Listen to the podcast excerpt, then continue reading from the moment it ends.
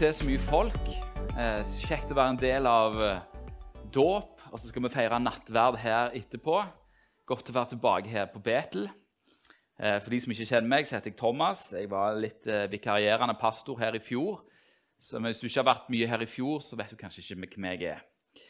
Men eh, jeg har kommet her i dag for å eh, fortelle litt grann jeg fikk beskjed av Magnus om å ha et eller annet sånn adventsbudskap, så jeg skal, skal prøve på det. Eh, min tema for talen i dag heter 'Lys i mørket'. Det er folket som vandrer i mørket, skal se et stort lys. Så kan vi be sammen. Kjære Jesus, jeg takker deg, Herre, for eh, adventstid. At vi kan, eh, vi kan sitte og fokusere på eh, det mirakelet det var at Gud ble menneske, at du kom til jorda. Eh, om det òg tenke med lengsel på den dagen du skal komme igjen. Vi, vi, ber, Herre, om at du skal være til stede her nå, og at du skal være til stede med din ånd. For hvis ikke du kommer og taler til hjertene, så er alt forgjeves. Amen. Det er som sagt adventstid. Eh, fram mot jul så er det alltid noen sånne bibelvers som går igjen i kirker og bedehus. Og for de av dere som har gått en del på gudstjeneste og har et forhold eh, til, eh, til, det, så vil dere kjenne igjen eh, det, er, det bibelverset som vi skal ta utgangspunkt i i dag. Eh, når bibelvers som er en del av tradisjonen, eh, har fort gjort eh, for å drukne i tradisjonen. For vi klarer ikke å tenke på bibelversene uten å se dem uten å tenke på den tradisjonen de står i. Og For meg så er et av disse versene det verset som vi skal ha utgangspunkt i i dag. Det er Jesaja 9, 2. Det folket som vandrer i mørket, skal se et stort lys. De som sitter i dødsskyens land, over de skal lys stråle. Det er et vers som ofte blir lest i forbindelse med advent og jul, eh, og som eh, gir oss tanke på på julenatten og på det som skal komme.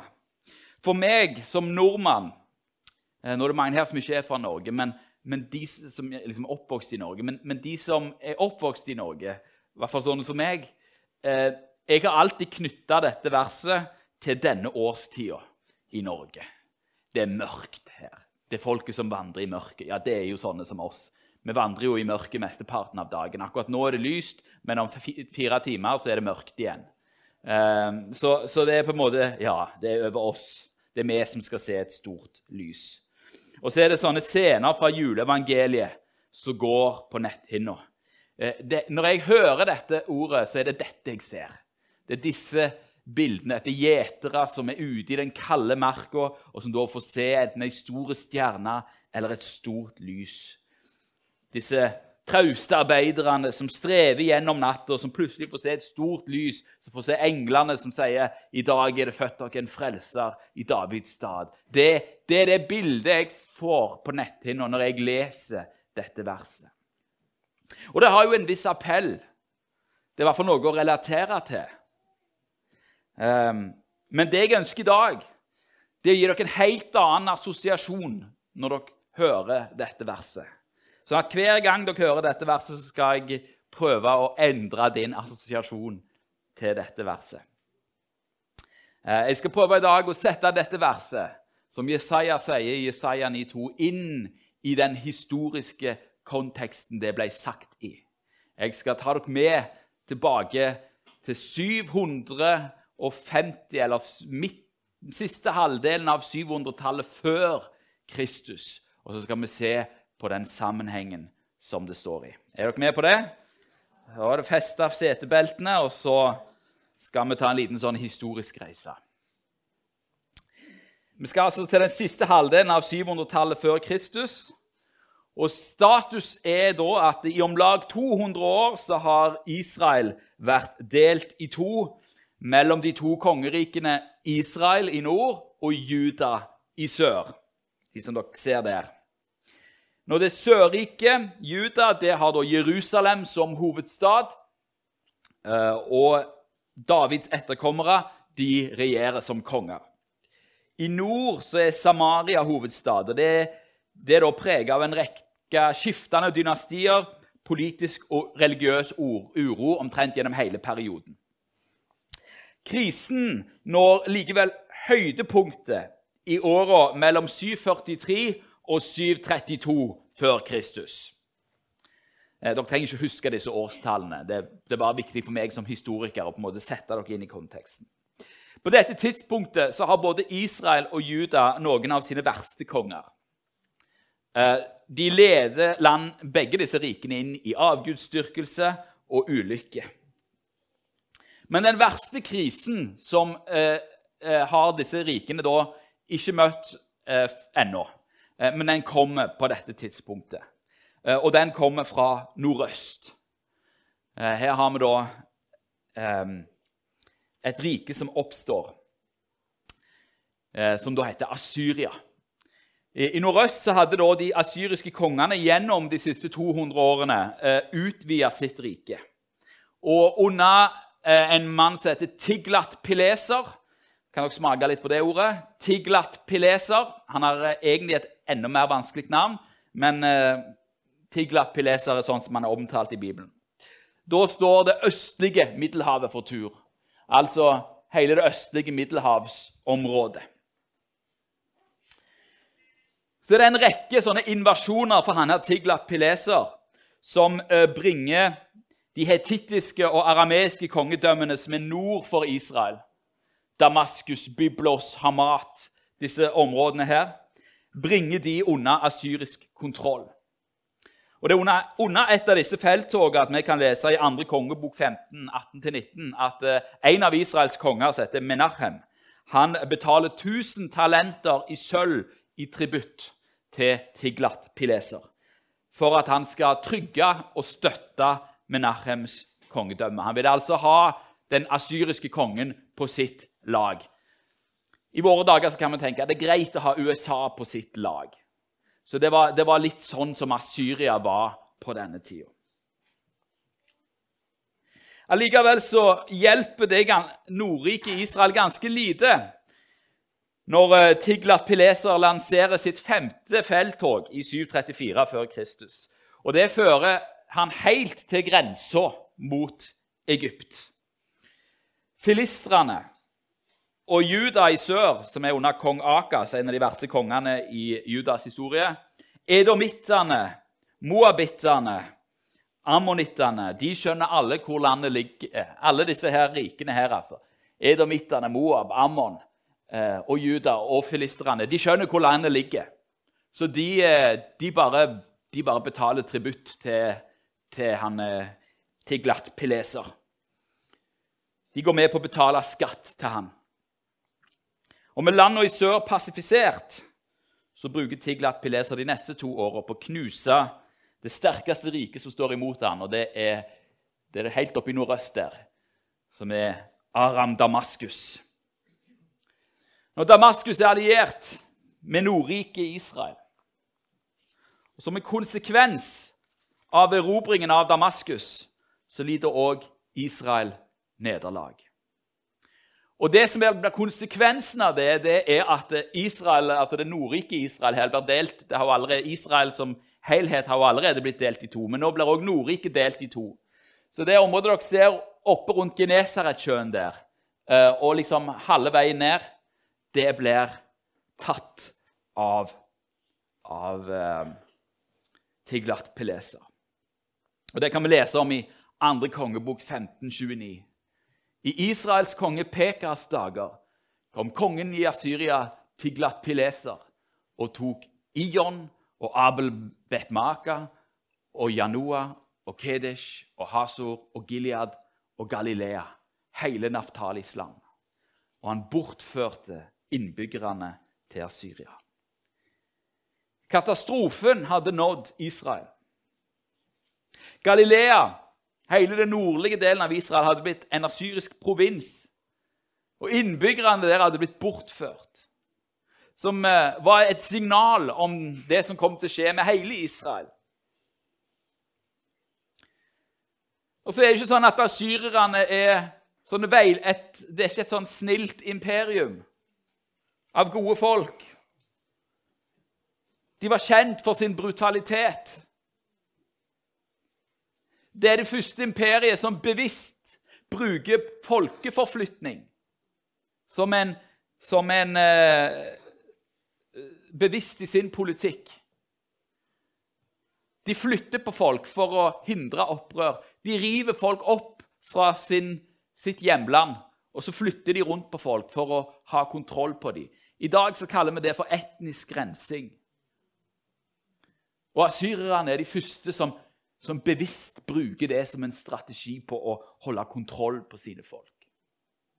En av uh, forgjengerne til Tiglat Pileser, som heter Asurnasipal, han, uh, han, var kjent for å slå ned opprør med en sinnssyk brutalitet. Og han skrøyte av lemlestinger og maler det opp, på, risser det inn i stein, så man kan se på en måte for alle. Han skrøyte av det. Det er det folket som står, som har nettopp da revet norddelen av Israel vekk ifra sitt område. En forferdelig situasjon. Og en da som står midt oppi denne og, og, og vitne til alt dette, er da Jesaja. Jesaja bor i Jerusalem, i Juda, men det er ikke så langt nord til Galilea, for å si det sånn. Han ser det, han er vitne til det. Han er vitne til all denne forferdelsen. Han er vitne til hvordan både hans eget land og, og land, nabolandet til nord eh, har blitt ødelagt av dårlige kongers avgjørelser. Han er vitne til avgudsdyrkelsen. Han er vitne til, til den asyriske stormakten som bare kommer som en storm for å ta dem. For hans samtidige så smaker ikke ordet Galilea godt. Galilea, det betyr nederlag. Galilea, det betyr mørke. Galilea er lidelse og fortvilelse. For Jesajas er Galilea et varsel om konsekvensen av synd. Det er et vitne om alt som er galt i Israel og Juda. Men i dette mørket, som Jesaja er vitne til, og som enhver person egentlig bare vil synke ned i fortvilelse og mørke, så taler Gud. Så taler Gud til profeten Jesaja, og Jesaja profeterer. Jesaja 9, 1-7 skal vi lese. Men det skal ikke alltid være mørke i det landet hvor det nå er trengsel.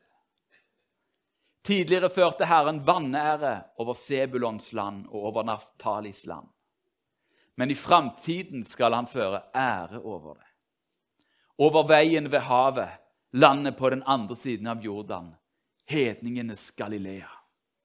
Det skal han føre ære over. Det folket som vandrer i mørket, skal se et stort lys. De som sitter i dødsskyggens land, over dem skal lyset stråle. Det folket som du før ikke ga stor glede, lar du bli tallrikt. De gleder seg for ditt åsyn, slik en gleder seg om høsten, slik en jubler når de deler hærfang. For åket som tynget det, og stokken på dets skulder, driverens stav, altså trelldommen i dette, har du brutt i stykker, som på Midjans dag. For hver krigssko som har båret i slagtommelen, og hvert klesplagg som er tilsølt med blod, skal brennes opp og bli til føde for ilden. Altså, alt som har med krig å gjøre. Det som de nettopp har erfart, det skal brennes opp i ilden. For et barn er oss født. En sønn er oss gitt. Herredømmet er på hans skulder. Og han skal få navnet Under, Rådgiver, Veldig Gud, Evig Far, Fredsfyrste. Så skal herredømmet bli stort og freden uten ende over Davids trone og over hans kongerike Det skal bli gjort fast og holdt oppe ved rett og rettferdighet fra nå av og til evig tid. Herrens hærskarenes Guds nidkjærhet skal gjøre dette. I Israels dypeste mørke og fortvilelse så profeterer Jesaja om en dag da Galilea skal bli kjent for noe helt annet.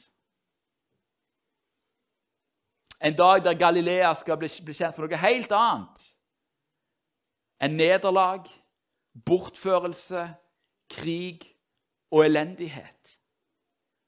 Han profeterer om at det folket som bor der, ikke skal bli fanger, ikke skal bli bortført, ikke skal oppleve lidelse, men at de skal se et stort lys.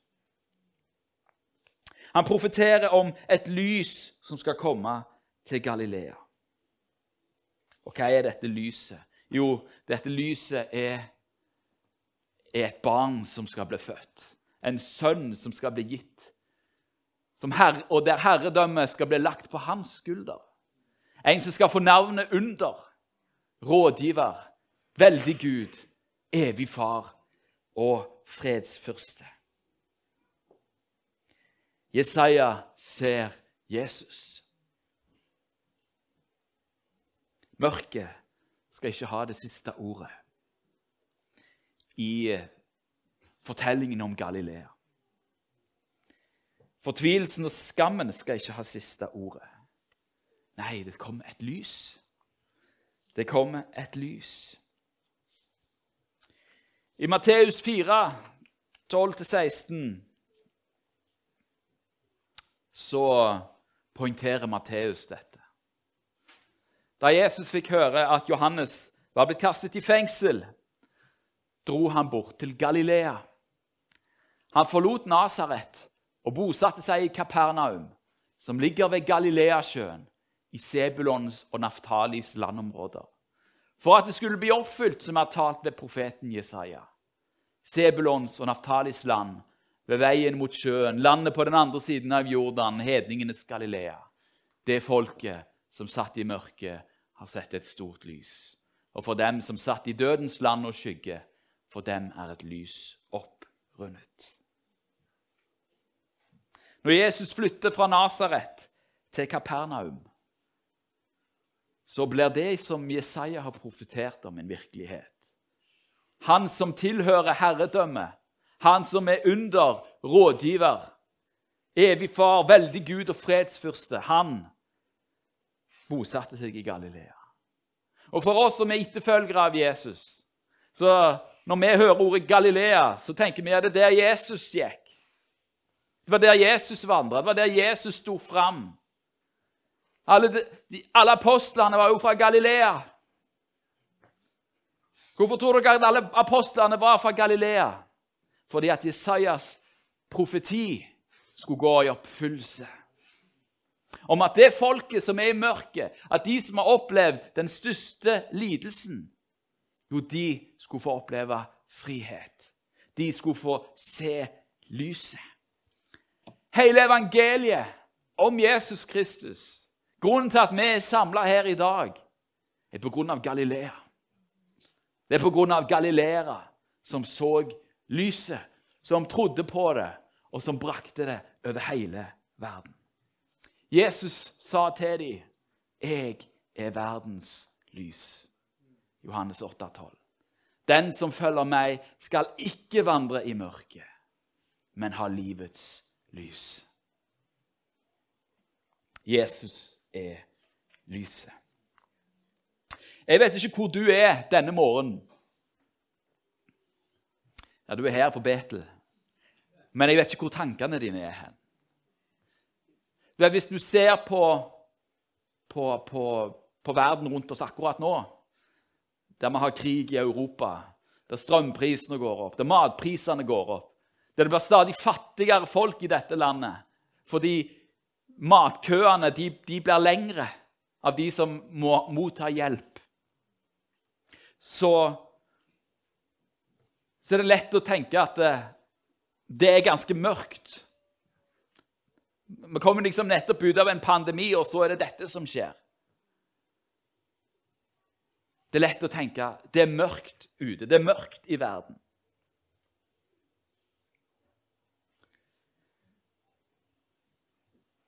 Kanskje har du personlig kjent på at økonomien blir vanskeligere. Kanskje har du konflikt i familien, og det er mørke der. Kanskje er, er det mørkt i deg. Enten det er sorg og savn, eller depresjon, eller du har problemer og vanskeligheter som du ikke ser løsningen på. Du vet godt hva det er å ha det mørkt. Og til deg vil jeg si mørket har ikke det siste ordet. Jesus har det siste ordet hvis du vil invitere han inn i ditt mørke. Jeg er verdens lys, sier Jesus. For at du ikke skal vandre i mørket. Ja, Det kan være du er i mørket nå, at du er rådvill. Men hva var det vi nettopp leste at Jesus er? Han er rådgiver. Kanskje du trenger et mirakel. Ja, hans navn er under.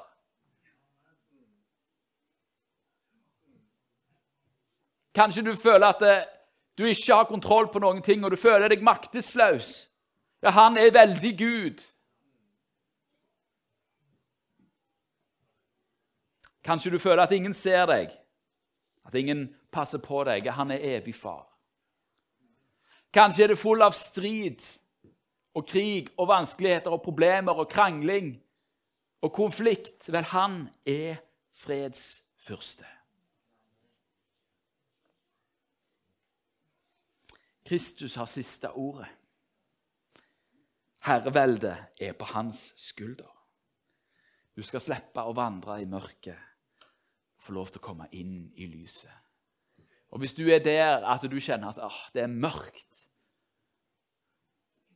Det er mørkt rundt meg, det er mørkt i meg, så er dette en anledning til å komme inn i lyset. Jeg har en venn dette er Åsmund. Han eh,